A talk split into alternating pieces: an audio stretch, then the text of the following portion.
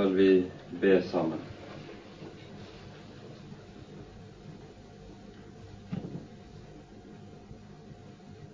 Kjære gode Herre og Far. Takk at du er den Herre og den Gud som har samlet oss inn til deg ved din egen Sønn. Du har gitt oss ordet om Jesus og skapt troen på ham, så vi skal bli frelst og eie alt ditt rike. Takk, Herre Jesus, at du var villig til å komme og bære alle omkostningene ved vår frelse, slik at vi skal få lov til å leve som Guds barn for din regning. Nå ber vi deg, Herre, at du selv vil komme og være her midt imellom oss, og at du Herre, vil åpne ørene våre for dine ord. Vil du skape troen og fornye troen i våre hjerter, slik at vi kan fris fra å være avhengig av noe annet og noen andre enn deg.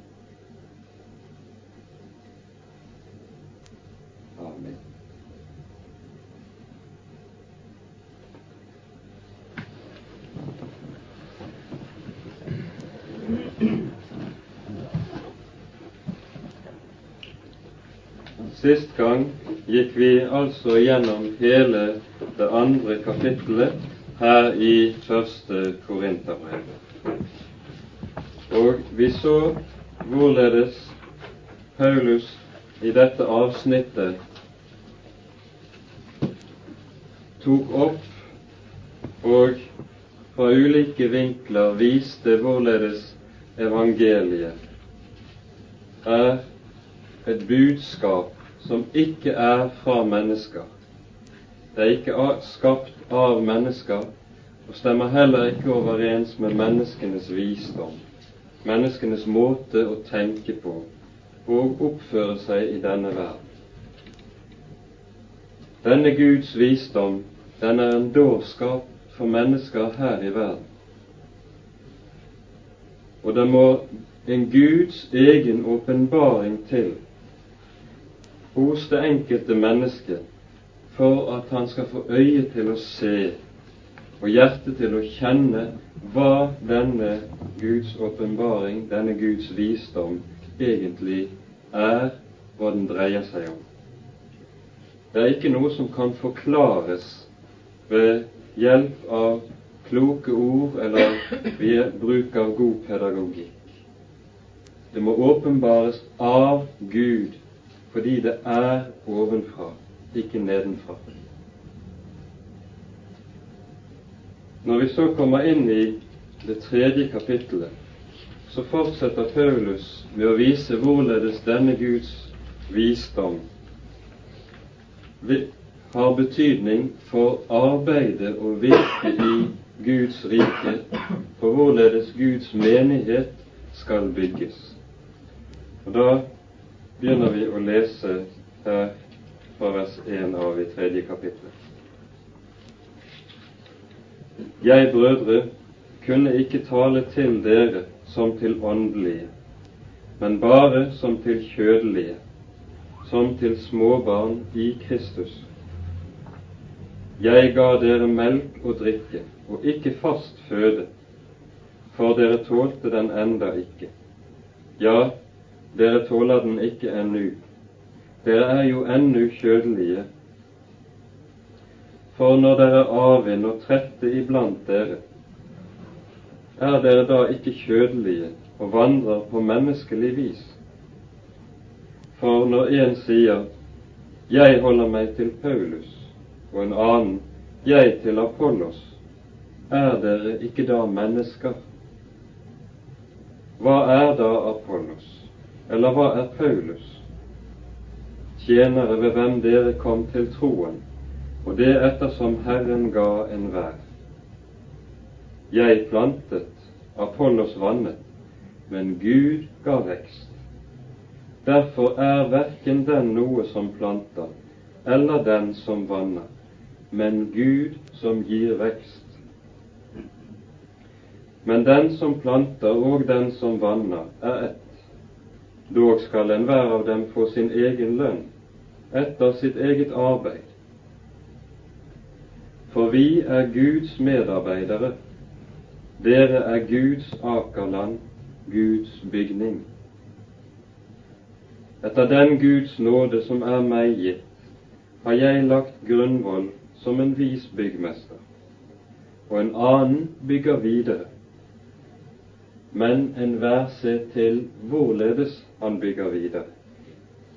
For ingen kan legge en annen grunnvoll enn den som er lagt. Det er Jesus Kristus. Men om noen på denne grunnvoll bygger med gull, sølv, kostelige stener, tre, høy eller strå, da skal enhvers verk bli åpenbart for dagen skal vise det, for den åpenbares med ild. Og hvordan enhvers verk er, det skal ilden prøve.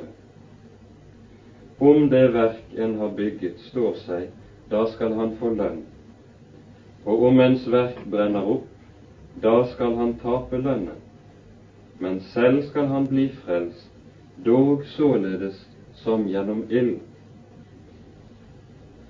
Vet dere ikke at dere er Guds tempel, og at Guds ånd bor i dere?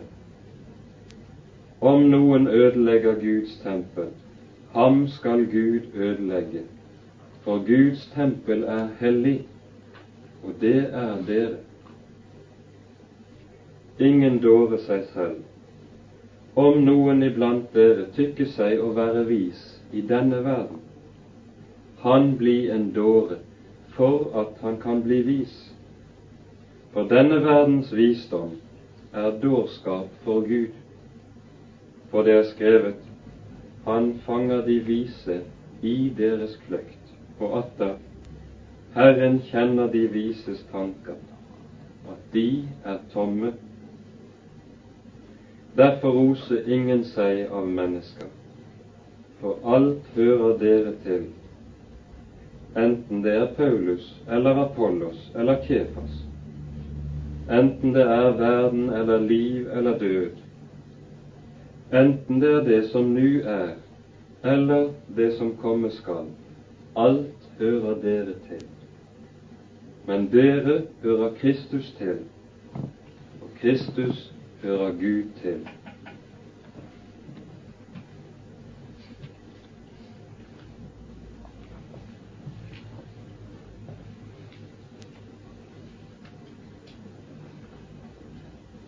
Paulus begynner dette avsnittet i brevet her med å karakterisere korinterne og deres kristendom. Jeg, brødre, kunne ikke tale til dere som til åndelige, men bare som til kjødelige, som til småbarn i Kristus. Vi skjønner denne skjelning, dette skillet mellom åndelige og kjødelige kristne. Den har sin bakgrunn i det Paulus har talt om i det andre kapittelet, hvor han bruker det samme motsetningsparet. Men vi rakk ikke å komme innom det i forrige bibeltime. Så kunne vi spørre hva er det som har kjennetegnet disse kjødelige eller umodne kristne, som Paulus også kaller for småbarn i Kristus? Årsaken til at han bruker denne betegnelsen, ligger jo i det vi tok opp forrige gang, med hvorledes korinterne ønsket i, i evangelieforkynnelsen å tilpasse den slik at det ble lettere for mennesker som sto utenfor kristen sammenheng, å forstå og gripe evangeliet. Det ville de gjøre ved å anvende det som kaltes for verdslig visdom, eller andre slags hjelpemidler som skulle altså hjelpe evangelieforkynnelsen lenger på vei, slik at det ble greiere for folk. Så tok de altså brodden av korsets anstøt ved å gjøre anrette evangeliet på en mer delikat måte, for å si det slik. Og så ble resultatet en evangelieforkynnelse som også ble kraftløs. Paulus sa i første kapittel, det 17. vers, at Herren hadde kalt ham til å forkynne evangeliet, ikke med vise ord, for at evangeliet ikke skulle tape sin kraft. Det som skjedde altså når man brukte en slik Når man prøvde å utbre Guds rike på en slik måte ved å gå mennesker i møte og tilpasse evangelieforkynnelsen, det var at evangeliet tapte sin kraft, og at de som eventuelt kom til tro på dette tilpassede evangeliet, de fikk en tro som var grunnet på menneskers visdom og ikke på Guds kraft.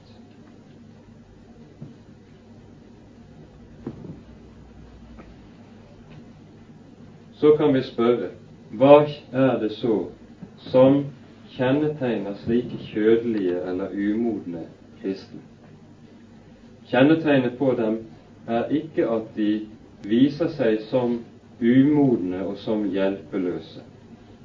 De vil nettopp, de vil tvert om være modne. De vil vise seg som slike som er kloke nok til å kunne bestemme hvorledes evangeliet skal forkynnes. Og I sin umodenhet så tror de seg så kloke at de kan bedømme evangeliets forkynnelse i stedet for selv å bli bedømt av. Dette er noe som vi ser som et karakteristikum også i dag, at de som vet minst, som kjenner dårligst til evangeliet og til Guds ord, de er, som, de er det også som med frimodighet taler høyest om hvorledes Kirken bør forkynne, hvorledes evangeliet skal tales. Ingen er så frimodige til å bedømme forkynnelsen som de. Og slik viser de at om de enn kan ha kommet inn i Guds rike og har lært Jesus å kjenne som sin frelser, så tenker de likevel etter og bedømmer etter menneskelig vis. De har ikke fått sin De har ikke fått en åndelig modenhet som har lært dem å legge av alt dette.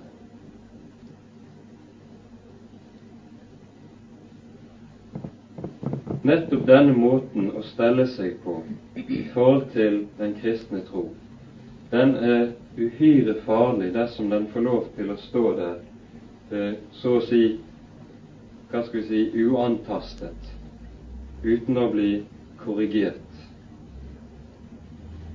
For da står man i fare for å komme inn i en åndelig stagnasjon. Og det er farlig. For er det noe som Han som er Herre vil, så er det at Han vil skape åndelig vekst hos sine barn ved å skape åndelig modenhet. Selv har jeg ofte støtt på en slik motstand mot det å ville vokse i kristen tro og erkjennelse. Det er ikke sjelden jeg støter på mennesker som sier 'jeg har min barnetro og er fornøyd med det'. Og når du så taler om og underviser om sannheten i Guds ord, så synes man det virker så besværlig og så vanskelig at man vil ikke høre på det. Så trekker man seg unna og vil ikke høre på det øret. Det er meget vanlig blant mennesker i dag. Dermed kommer man inn i en åndelig stagnasjon som er farlig og stagnasjon på det åndelige området er ensbetydende med svekkelse. At man før eller siden også vil kunne stå i fare for å komme inn i åndelig død. Derfor sier også apostelen Peter i det andre brevet sitt Voks i nåde og kjennskap til den Herre Jesus Kristus.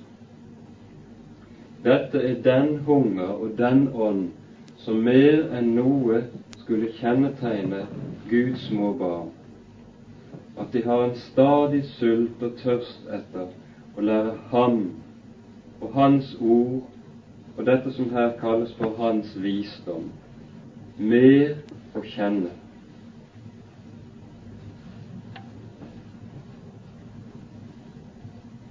Denne åndelige umodenhet den omtales også andre steder i Skriften. Vi ser det i Hebreabrevets femte kapittel, hvor jeg tror vi skal ta og lese noen vers.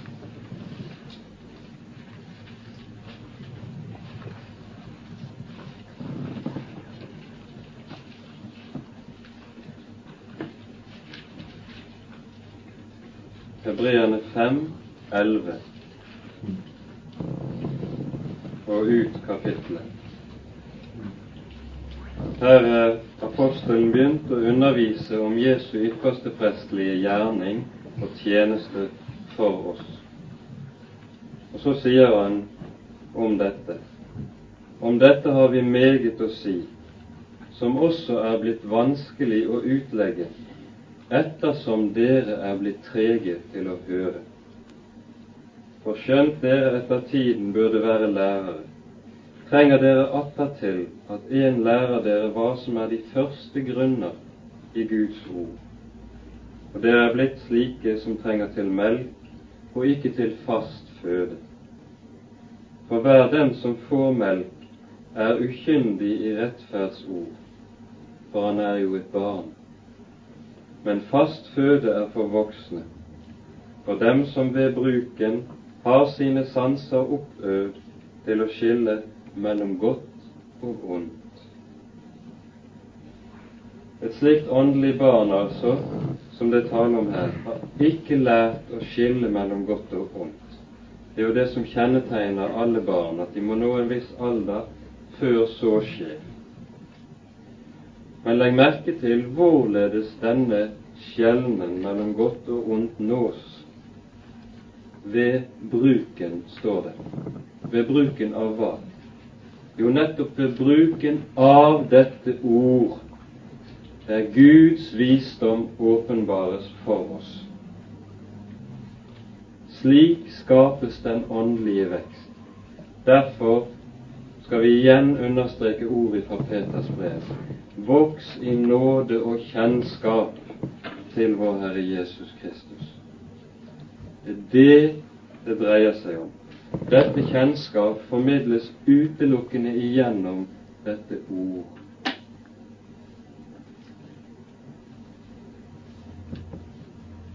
Det som slik kjennetegner en sånn åndelig umodenhet, det har vi også noe mer som er talt om i Efeserbrevets fjerde kapittel, som det er vel for oss å legge merke til.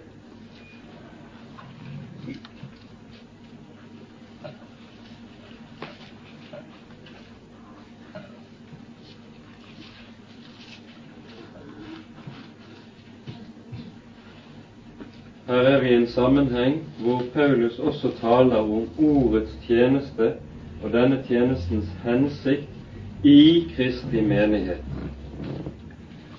Og så sier han fra vers 11 av slik Det er Han som ga oss noen til apostler, noen til profeter, noen til evangelister, noen til hyrder og lærere, for at de hellige kunne bli fullkommengjort til tjenestegjerning til Kristi legemes oppbyggelse. Merk, han omtaler kun ordets eller forkynnelsens tjenester som slike som er i stand til å fullkommengjøre Kristi legeme slik. Og så i vers 13 og 14.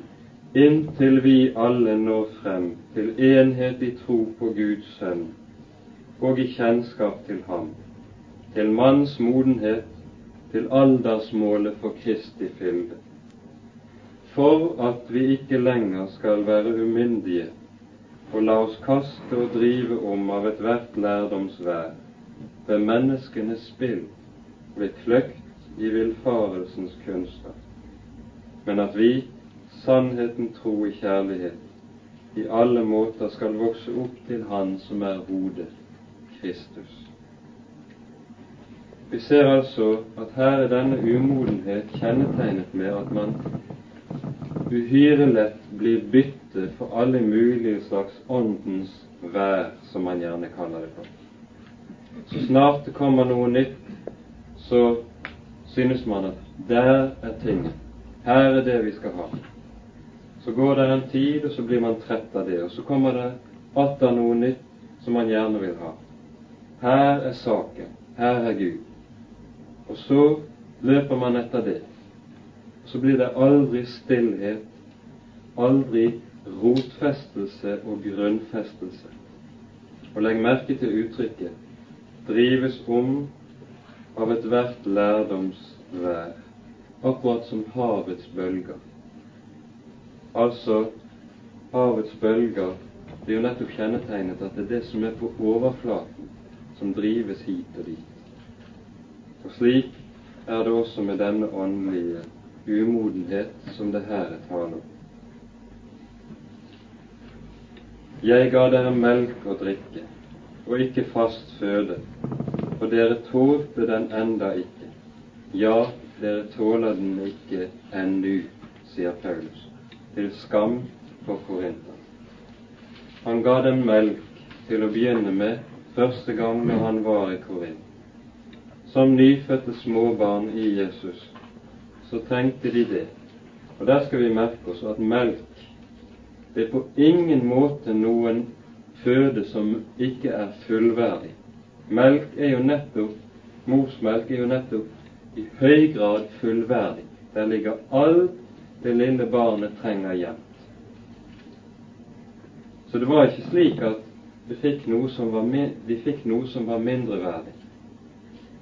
Men meningen var at de ved dette skulle vokse, slik at de kunne ta imot den faste føden som de altså hadde vondt for. Fast føde, som står her, betyr egentlig det som må tygges. Men det, dette tålte de altså ikke. Og Grunnen til at de ikke tålte det, det var dette anstøtet som lå i dem mot korsets dårskap fordi de var kjødelige.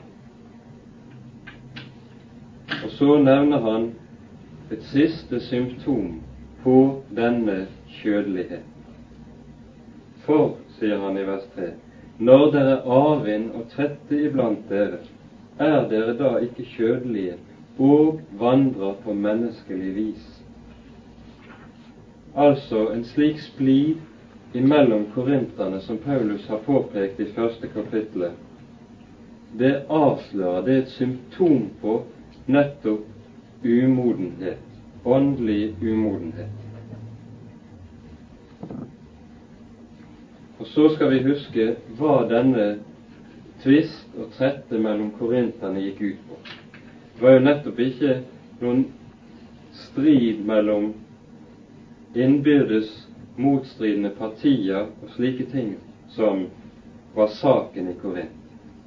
For det var ingen motsetning mellom Paulus og Apollos eller Kefas i deres undervisning.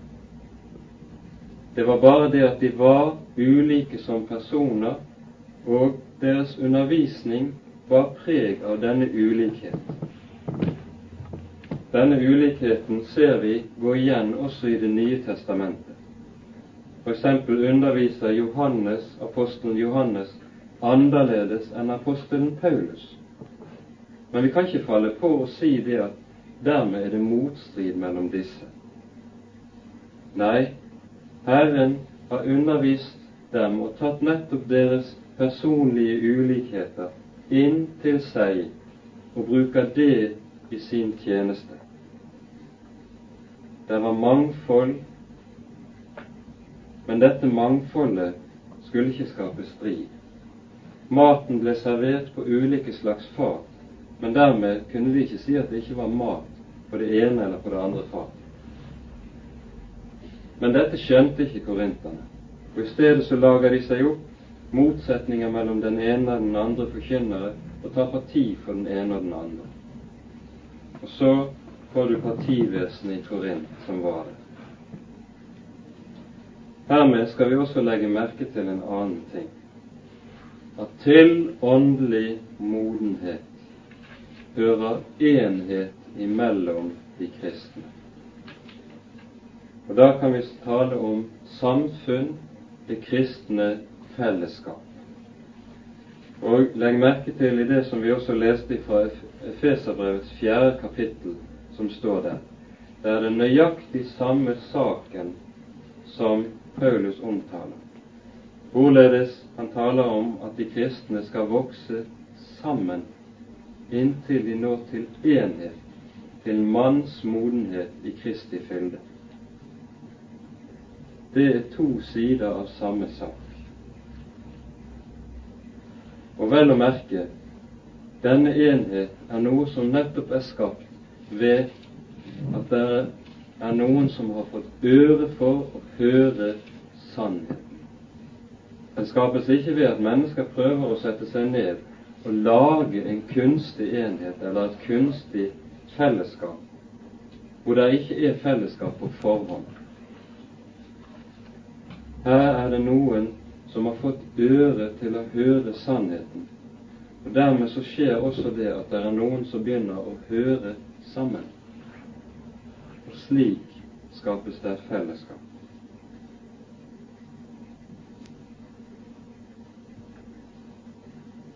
Vi skjønner gjerne ut ifra dette at dermed kastes det også lys over mange ting imellom oss i kristenlivet i våre dager òg.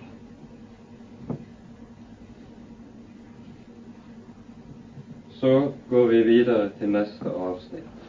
Hva er da en Apollos? Eller hva er en Paulus?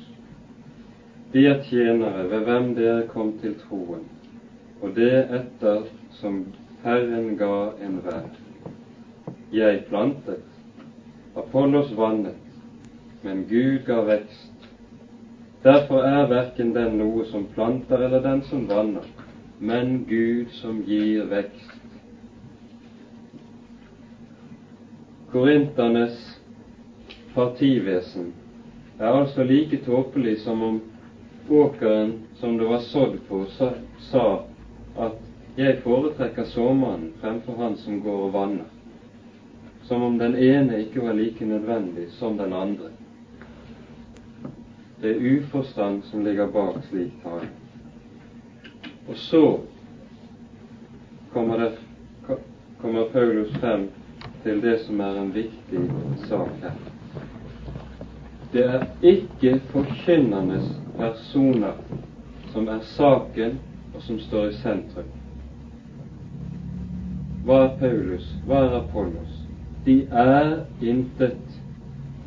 For verken en Paulus eller en Apollos er i stand til å skape liv. Livet skapes av Han som gir vekst.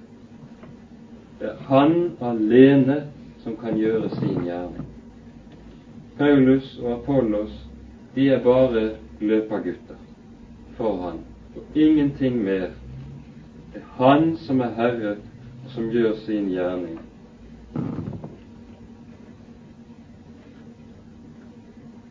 Så kommer vi inn i dette som er bilder som er helt grunnleggende når det er tale om det kristne menighets liv.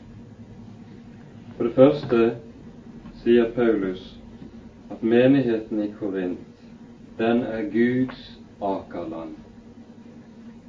Akerland det er på gresk sammensatt av to ord.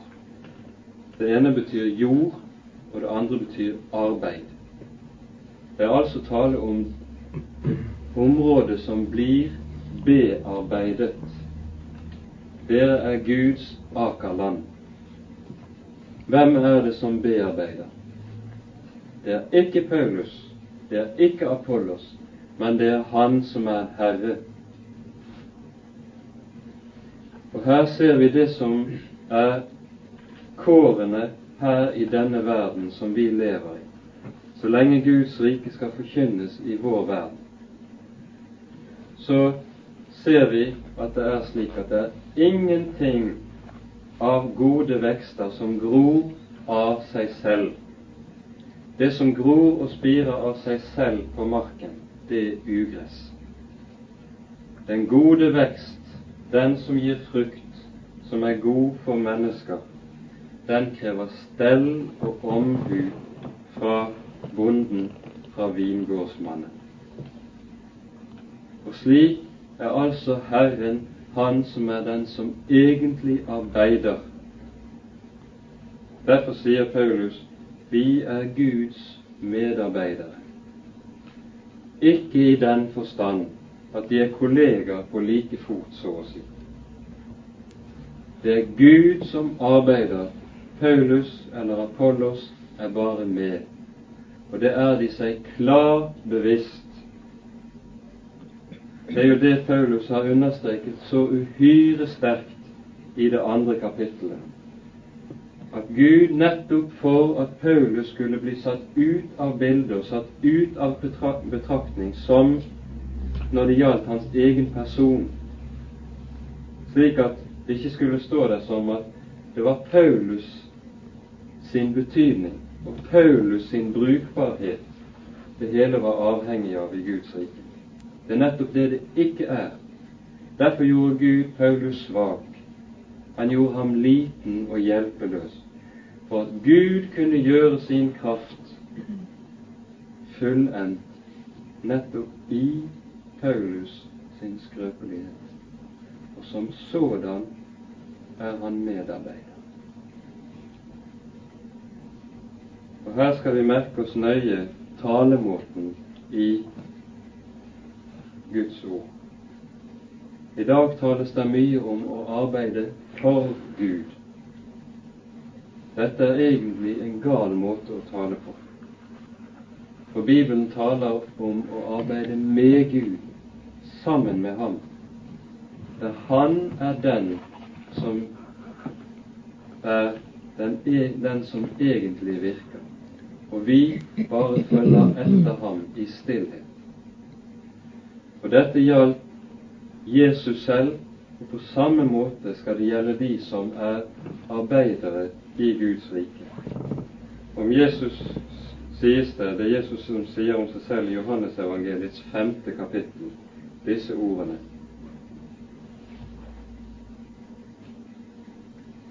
Vers 19 og 20. Jesus svarte og sa til dem, Sannelig, sannelig, sier jeg dere, Sønnen kan ikke gjøre noe av seg selv, men bare det han ser Faderen gjør.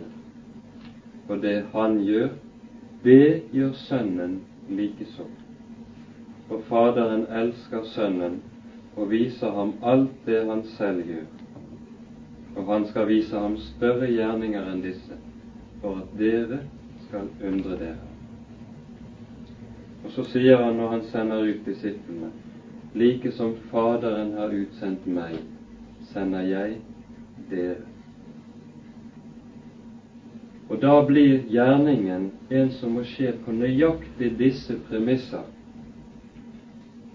At man er avhengig av å se hva Faderen gjør, for i det hele tatt å kunne gjøre en gjerning i Guds rike.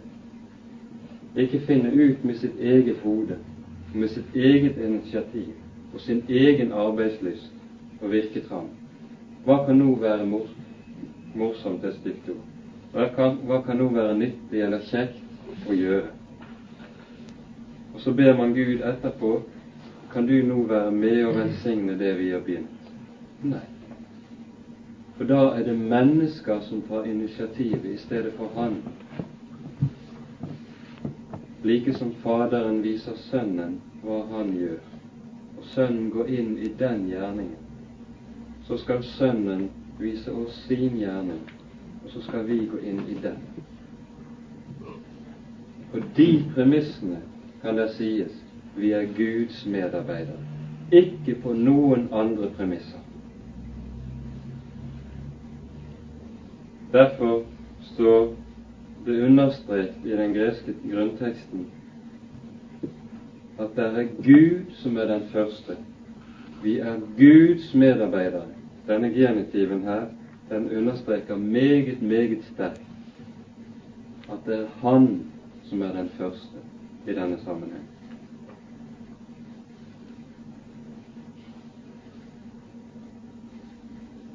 Det andre som er viktig å ta inn i denne sammenhengen, det er at Paulus, når han taler slik om å være medarbeider og menigheten som Guds akana. Da har han rimeligvis i bakhodet Jesu lignelse i Markusevangeliets fjerde kapittel, lignelsen om den selvvoksende sæden, som jeg tror vi skal ta oss tid til å lese. Markus 4, vers 6 og 4.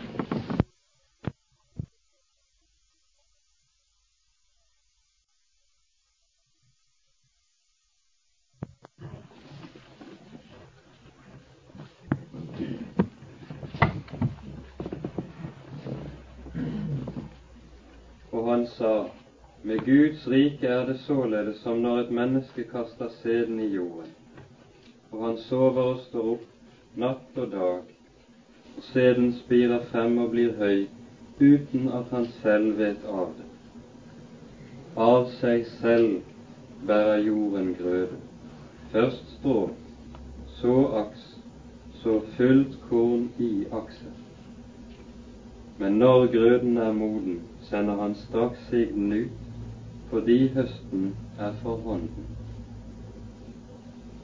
Her taler Jesus om Guds ords evne til å virke av seg selv. Og dette skal lære oss både å tro på dette ord og få mistro til vårt eget arbeid. For vi skal være klar over at jo større betydning vi tillegger vår egen innsats og våre egne virkemidler i arbeidet i Guds rike, desto mindre tror vi på dette ords evne til å virke av seg selv og til å skape frukt i sin tid. Men det er jo nettopp det som Paulus så uhyre sterkt har understreket i de to første kapitlene i dette vers, i dette brevet, det er nettopp at det er i ordet om korset det er der all Guds kraft til frelse ligger. Ingen andre steder. Det er det som skaper frukt i Guds rike. Intet annet virkemiddel kan virke tilsvarende, og intet annet kan hjelpe dette virkemiddelet til å vokse fortere, eller sånn at det skulle bli lettere frukt. Ordet om korset, når det får virke alene, da skaper det frukt som er av Gud, og som er ovenfra, ikke nedenfra.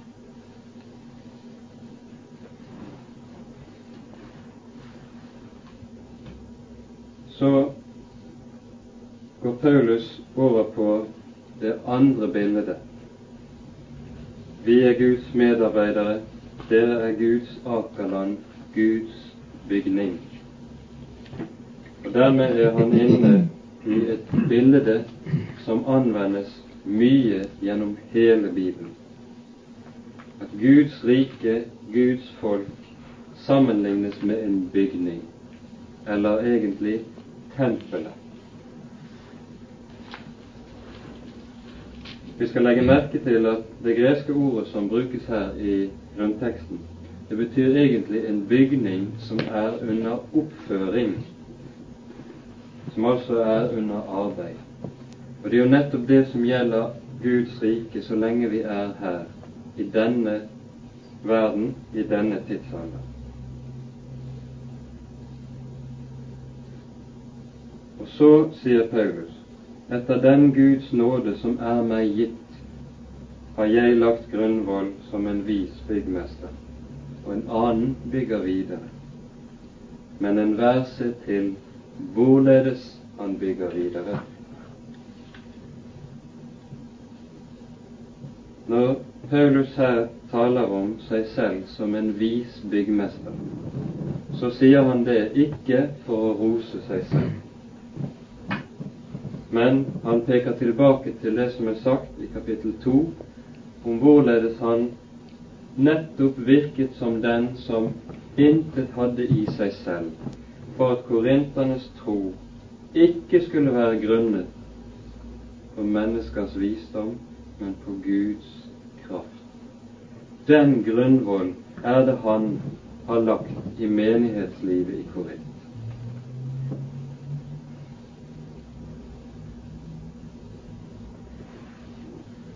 Så har Paulus reist, og det er en annen som bygger videre i Korint. Det er en annen som er blitt menighetsforstander etter at han har dratt. Men så sier han enhver ser til hvorledes han bygger videre. Og det er det han tar opp til behandling fra vers 12 av og utover. Men først sier han dette som er kjerneordet i vers 11. Ingen kan legge en annen grunnvoll enn den som er lagt.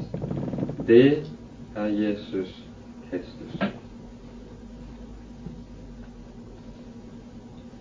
Og her, med det som sies i dette, tenker Paulus ikke bare på det, han, det som skjedde da menigheten i Korint ble grunnlagt gjennom Paulus' misjonsvirksomhet. Men han tenker også på dette som er en evig sannhet. For den som er subjekt i dette å legge grunnvoll, det er Gud selv. Han som er Herre og Gud av evighet, har gjort sin egen sønn til grunnvoll til en grunnvoll som ligger ferdig for alle hans små barn, til å bo på og leve på og bygge på. Og ingen kan legge noen annen grunnvoll. Her griper han tilbake til det som Paulus, eller det som vi finner i Matteusevangeliets 16. kapittel, hvor Jesus spør disiplene hvem sier menneskene at jeg er. Så refererer disiplene ulike svar som folk ga på dette spørsmålet. Og så spør Jesus dem på ny, men dere da, hvem sier dere at jeg er? Du er Messias, den levende Guds sønn, bekjenner Peter. Og så svarer Jesus Peter på dette. Salig er du, Peter, Jonas' sønn. Og dette har ikke mennesker åpenbaret deg, men Gud. Og sannelig sier jeg deg, på denne klippet vil jeg bygge min kirke, eller min menighet, som det også oversettes. Allerede her taler altså Jesus om en klippe som er grunnvollen for Guds menighet. Og vi skal merke oss det er ikke Peters person som er denne klippen, men det er Peters bekjennelse. Du er Messias, den levende Guds sønn. Det er klippen. På denne bekjennelse og på denne realitet som bekjennelsen står for, lever Guds menighet og kan ikke leve noe annet sted. Men om noen på denne grunnvoll bygger med gull, sølv, kostelige stener, tre høy strå, da skal enhvers verk bli åpenbare, for dagen skal vise det, og den skal åpenbares med ilden. Og hvordan enhvers verk er, det skal ilden prøve. Om det verk en har bygget, står seg, da skal han få lønn. Og om ens verk brenner opp, da skal han tape lønnen. men selv skal han bli frelst, dog således som gjennom ild.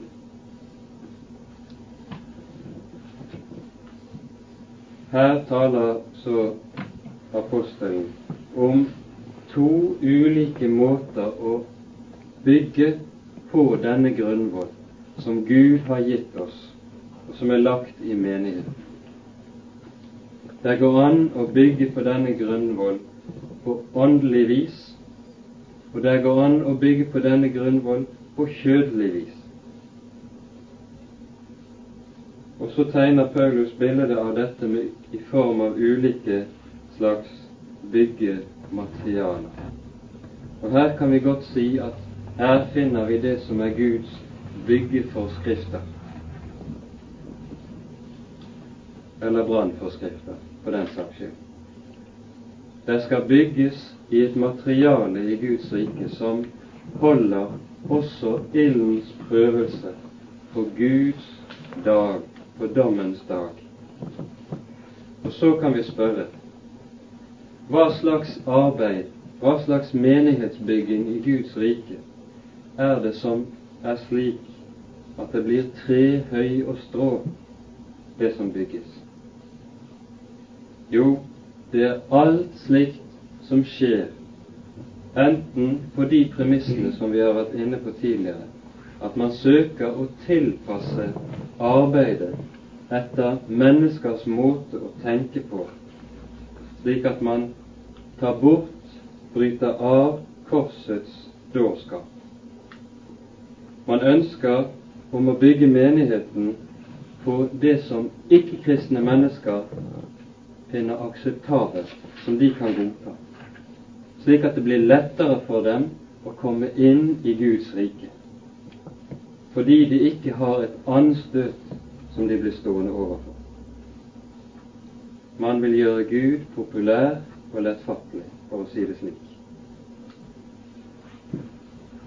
Men blir Gud lettfattelig, så vil det føre til at det arbeid som her gjøres, når det blir veiet, blir det funnet for lett. Det står holder ikke prøve. Vi skal være klar over at de som ønsker å arbeide slik i Guds rike, de er velmenende mennesker som gjerne ønsker å tjene den Herre Jesus. De ønsker jo å bygge på grunnvollen. De de vil så gjerne at det skal være flere som kommer med, flere som blir frelst. Og så gjør man det altså lettere for dem å komme inn, lager en lav terskel, som man sier, eller sier at det skal være høyt under tak. Slike slagord kjenner vi. Og så blir vi automatisk som følge av dette stående overfor en veldig fare. Vi gir oss til å bedømme byggematerialene etter de resultater som oppnås. Har man valgt seg arbeidsmetoder, virkemidler, som samler mye folk, så sier man dette er veien å gå, dette er fra Gud. Og motsatt samler man lite folk, er det få som kommer, så er det ikke fra Gud. Og dermed så står man i fare for å bruke resultatene som det kriterium man bedømmer forkynnelsen etter. Og det er livsfarlig i Guds rike. Det vil uvegerlig føre til at ordet tømmes for kraft, og etter hvert vil evangeliet og frelsen gå tapt for oss. Man kan til og med komme så langt at man våger seg til både å sensurere forkynnelse og kanskje også sensurere Bibelens ord hvis det virker anstøtelig for mennesker, hvis de ikke vil akseptere det. For da vil det jo være færre som kommer med, hvis vi skal holde frem alt som står talt uavkortet. så bruker man altså disse ting til å gjøre seg til herre over Guds ord, i stedet for å stå under det. Og så blir det tre og høy og halm og strå som settes i brann av den minste gnist. Og det vil ikke være noen som kan slukke den ilden. Det vil ikke vare.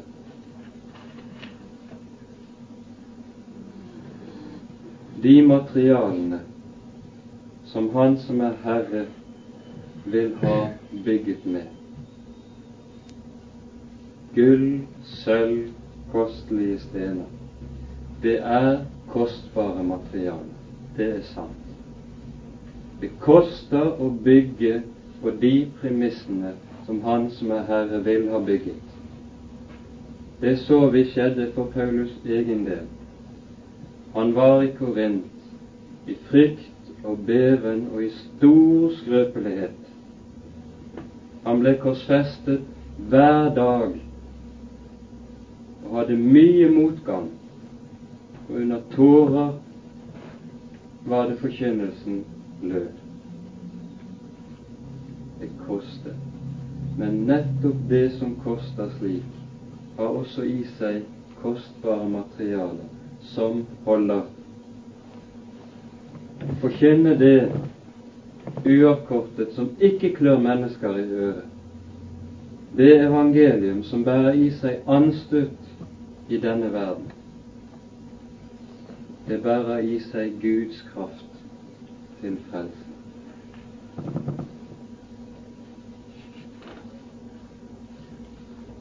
Så skal det altså komme en dag der det blir åpenbart hvorledes arbeidet har vært. Den dag det er tale om her, det er det som kalles for dommens dag. De mennesker som har ønsket å tjene Gud, så å si hjelpe ham i å fremme Hans rike, på gale premisser. De skal se at verket brenner opp, men selv skal de bli frelst. Fordi de tross alt, tross begrenset modenhet i sitt arbeid og i sitt syn, så har de likevel hatt et hjerte som tilhørte Jesus. Så står det om ens verk brenner opp, da skal han tape lønnen men selv skal han bli frelst, dog således som gjennom ild. Og Her ser vi også at det sannes, det som står skrevet i Salme 126 i Det gamle testamentet. De som sår med gråt, skal høste med frydero. De går gråtende og bærer sin utseende. De bærer sine kornbånd hjem med jubelrop.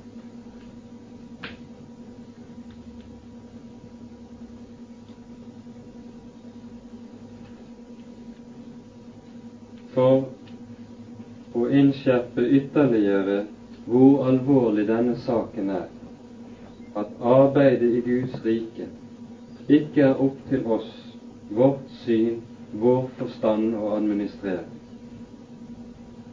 påpeker han i vers 16 så dette som er en grunnsannhet. Vet dere ikke at dere er Guds tempel, og at Guds ånd bor i dere? Dermed er det sagt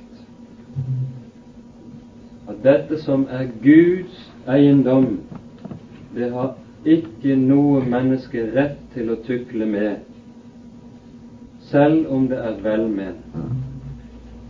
Det skal skje på eierens premisser, det som skjer i tempelet, ikke på våre premisser. Og Derfor ser vi også det som gjelder for tempelbygningen i den gamle pakt, som nettopp er forbildet på den nye pakts tempel, som er oss. Der skulle hver eneste ting i den gamle pakts tempel bygges opp nøyaktig slik som Gud hadde sagt det skulle skje. Det var ikke én detalj som var overlatt til Moses eller Aron eller noen annen å bestemme hvorledes den skulle være. alt skulle skje slik Herren hadde sagt, for at denne bygning kun skulle rommes, romme det som var etter Guds plan. For det skulle ikke være noe av menneskepåfunn og mennesketanker der. For det skulle ikke være noen selvvalgt gudsdyrkelse i tempelet. Så også i den nye pakts gudstempel. Det er der gitt ovenfra, og det skal heller ikke her være noen selvvalgt dyrkelse, noe som kommer nedenifra og har sin kilde i oss. Alt som kommer fra oss, som altså er av kjød, er menneskeverk. Det er under forbannelse. Og vi har en voldsomt sterk eksempelberetning om dette i Tredje Moseboks tiende kapittel.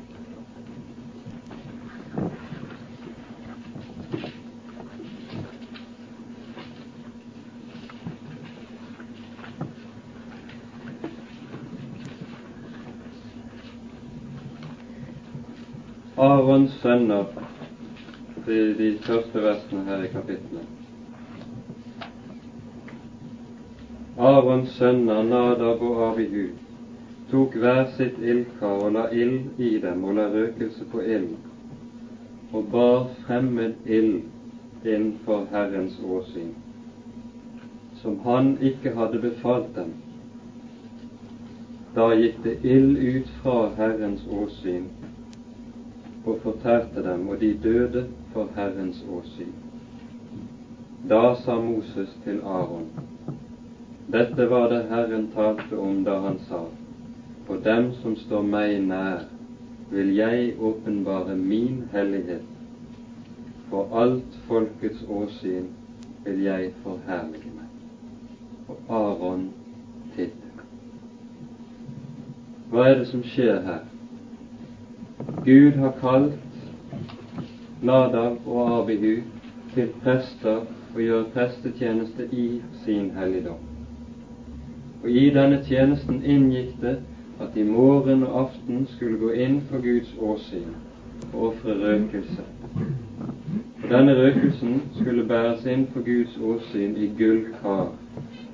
Og ilden fra røkelsen skulle være tatt til røkelsen skulle være tatt fra brennofferalteret som sto i forgården foran tempelets inngang. Denne ilden som brant på brennofferalteret, den var tent av Gud selv, som vi leser om i det niende kapittel her i Tredje Mosebok. Den var ikke tent av mennesker.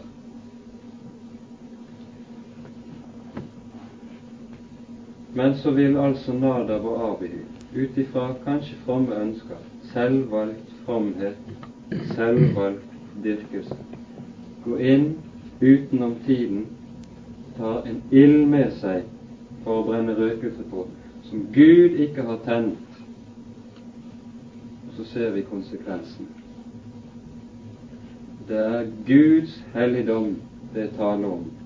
Og han vil ikke ha noe fremmed i sitt tempel som ikke er fra ham. I Guds tempel skal det kun finnes Guds verk, ikke menneskeverk. Vet dere ikke at dere er Guds tempel, og at Guds ånd bor i dere? Dette var nemlig meningen med den gamle pakts tempel. Herren sier når tempelet reises, at ved dette tempel vil Han bo midt iblant dem slik at han skal være deres Gud og de hans folk. Og slik er det nettopp i den nye pakt tempel. Her bor han i vår midte, hos sine barn, gjennom at han bygger oss opp som levende stener, for at vi skal være hans folk, og han skal være vår Gud. Og legg merke til at det står at han bor.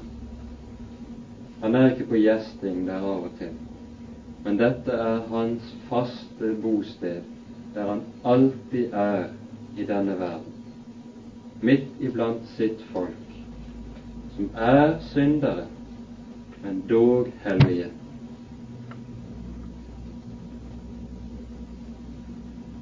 Om noen ødelegger Guds tempel, ham skal Gud ødelegge, for Guds tempel er hellig, og det er dere.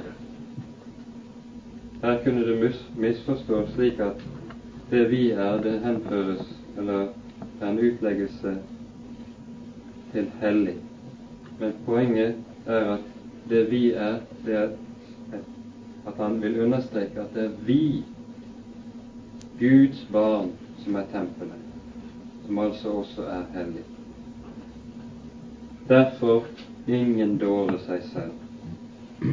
Om noen iblant dere tykker seg å være vis i denne verden, han blir en dåre for at han kan bli vis. For denne verdens visdom er dårskap for Gud, for det er skrevet Han fanger de vise i deres kløkt. Og atter Herren kjenner de vises tanker, at de er tomme.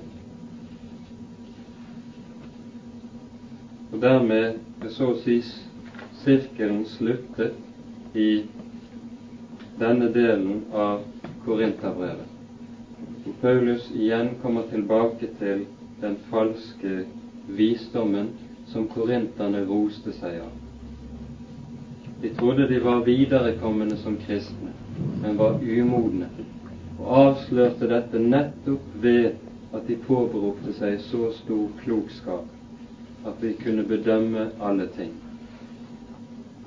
Så var det det de ikke kunne.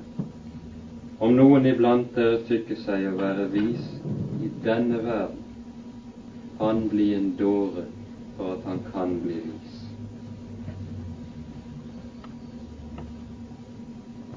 Det som vi ser var noe av en ulykke for Guds folk gjennom hele den gamle pakts tid, var at når de var i nød, når de var trengt, på en eller annen måte, så vendte de seg til ikke til Gud, men til mennesker for å få hjelp. De anvendte all sin kløkt og all sin visdom for å få den hjelpen de trenger. I Isaias 30. og 31. kapittel har vi kanskje noe av det tydeligste eksempelet på dette. Her står Israel trengt opp i hjørnet, omringet av asyrerne, og er hjelpeløse, hjelpeløse i deres hender, så å si. Og så begynner tankene å søre. Hvor kan vi finne hjelp? Hvor finner vi dem som kan støtte oss og berge oss mot asyrerne?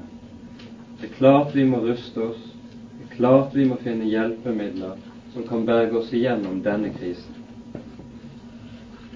Så reiser de til Egypt for å kjøpe våpen, hester og vogner og annen slags våpen, og de ruster opp for å kunne møte fienden. Og de søker å inngå politisk allianse med egypterne, sånn at de kan stå sterkere. Og så kommer Han som er Herre til dem og sier Nei. Dere skal ikke gjøre noe av dette. Men i kapittel 31 står det slik Ved den som farer ned til Egypten etter hjelp og setter sin lit til hester og stoler på vogner fordi de er mange, og hestfolk fordi de er tallrike, men ikke vender sine øyne til Israels hellige og ikke søker Herren, for egypterne er mennesker og ikke Gud. Deres hester er kjøtt og ikke ånd. Og Herren skal rekke ut sin hånd, og hjelperen skal snuble og den hjulpne falle. Og de skal omkomme, alle til sammen. Egypt står i Det gamle testamentet nokså konsekvent som symbol på denne verdens rike. Og Israels fristelse var altså gjennomgående å søke hjelp der. Nettopp fra det riket de var fridd ut fra ved Guds egen makt. Der søkte de hjelp når krisen kom, i stedet for hos Han som hadde fridd dem ut. På tilsvarende vis er det i Guds rike i dag også at Guds folk søker hjelp her i verden, denne verdens visdom og denne verdens metoder, fordi korsets dårskap synes så ubehjelpelig, så smått og trøstesløst i forhold til alt det veldige som denne verden kan varte opp med. Så kommer Han som er Herre og sier til Israel i denne situasjonen Nei, dere skal ikke dra ned dit. Dersom dere vender om og holder dere rolige, skal dere frelse. I stillhet og i tillit skal deres styrke være. De skal ikke ruste seg. De skal møte fienden uten slike våpen, uten slike allianser. Og det var dårskap, det, i menneskers øyne. I stillhet og i tillit skal deres styrke være. Så lød det til Israel, men dere ville ikke. Det som står skrevet om dem, står skrevet til formaning for oss, for at vi ikke skal ha lyst til det onde like som de. Slik skal vi ta til oss og søke næring i dette som han talte her. Ingen dårer seg selv. Om noen iblant dere tykkes å være vis i denne verden, han bli en dåre for at han kan bli vis. For denne verdens visdom er dårskap for Gud. Dette skal gjelde alt arbeid i Guds rike, og alt det vi behøver av hjelp i nød og trengsel. Her hemmeligheten ligger I stillhet og i tillit skal styrken være. Stillhet for dette ord, tillit til det. Det ord der Guds kraft og Guds visdom ligger igjen.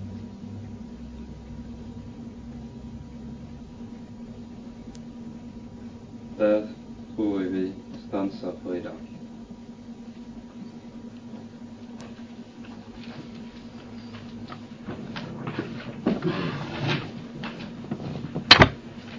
noen som har noe å spørre om, eller som de lurer på i forlengelsen av, av dette?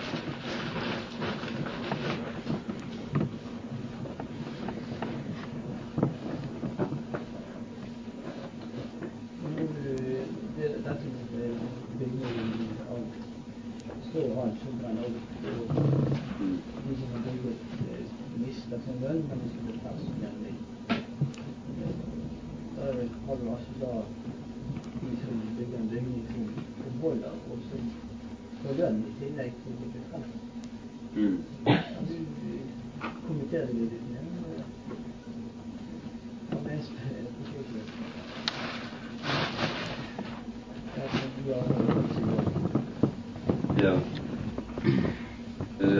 Det nye testamentet taler jo flere steder om lønn. Og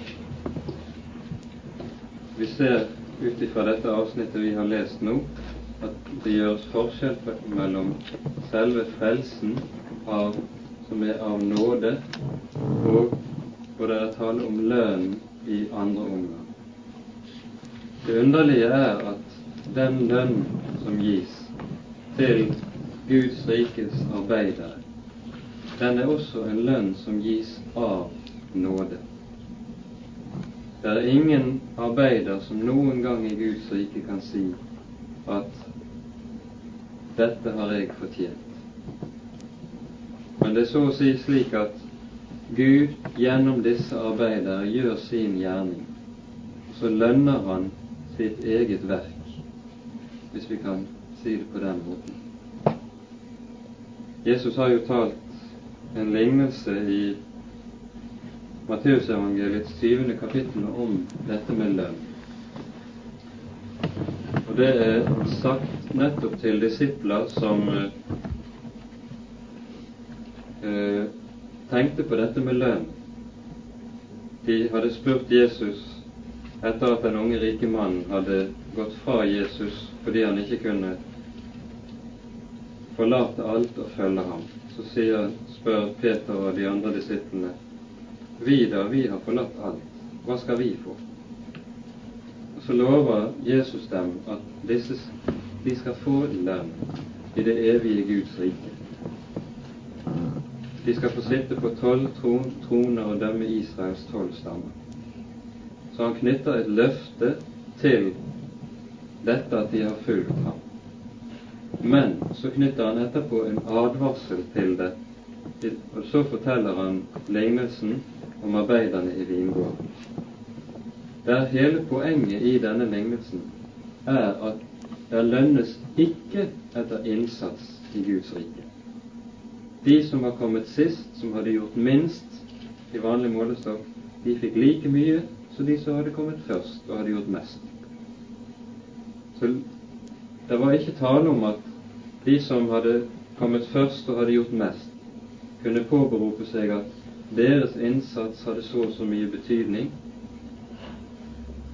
og slike ting. Og dermed skulle de også ha fortjent å få mer lønn enn de andre. Det var det de gjorde, så blir de avvist. Det lønnes ikke etter innsats. Det Gud lønner, er nettopp at han får gjøre sin egen gjerning